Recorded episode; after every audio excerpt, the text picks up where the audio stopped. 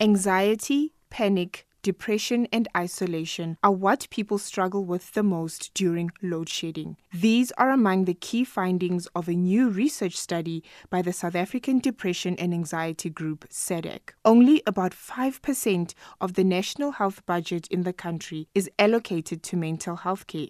leaving the majority of people relying on the provision of community centered services. One of the patients at a local community mental health care center in Dipslut elaborates on how the load shedding is a barrier to accessing services.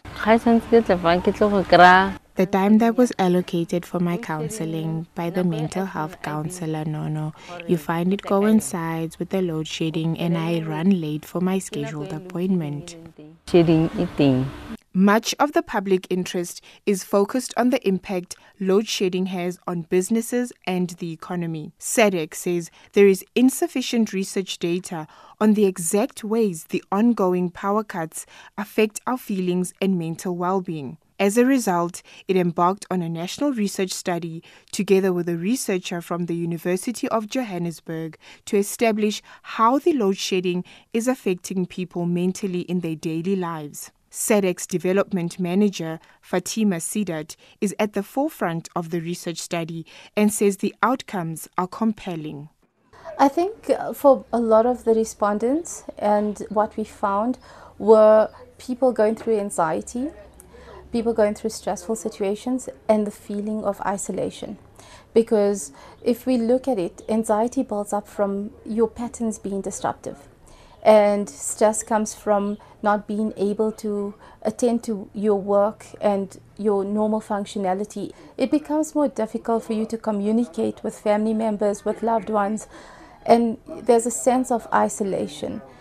The results reveal a dim snapshot on how load shedding is straining social relations in the home. According to the report, 31% of respondents reported problematic family relationship. South African citizens' experiences mirror some of these key findings, with many saying the load shedding is indeed affecting their mental well-being. I think this also affected lots of problem in the family.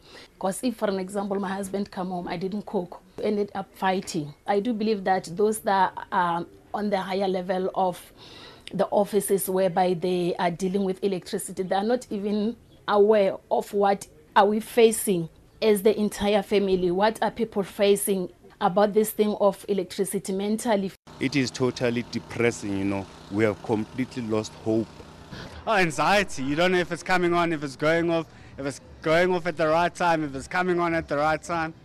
just when you want to sit down and relax, me in my old age, it's affecting me mentally, psychologically. So it's affecting all spheres of our lives. The outcome of SEDEC's research may shed some light on how best to scale up access to mental health care services and coping mechanisms for people across the country, bearing in mind it may be lights out for much longer than anticipated. Zandile Mieza, SABC News, Johannesburg.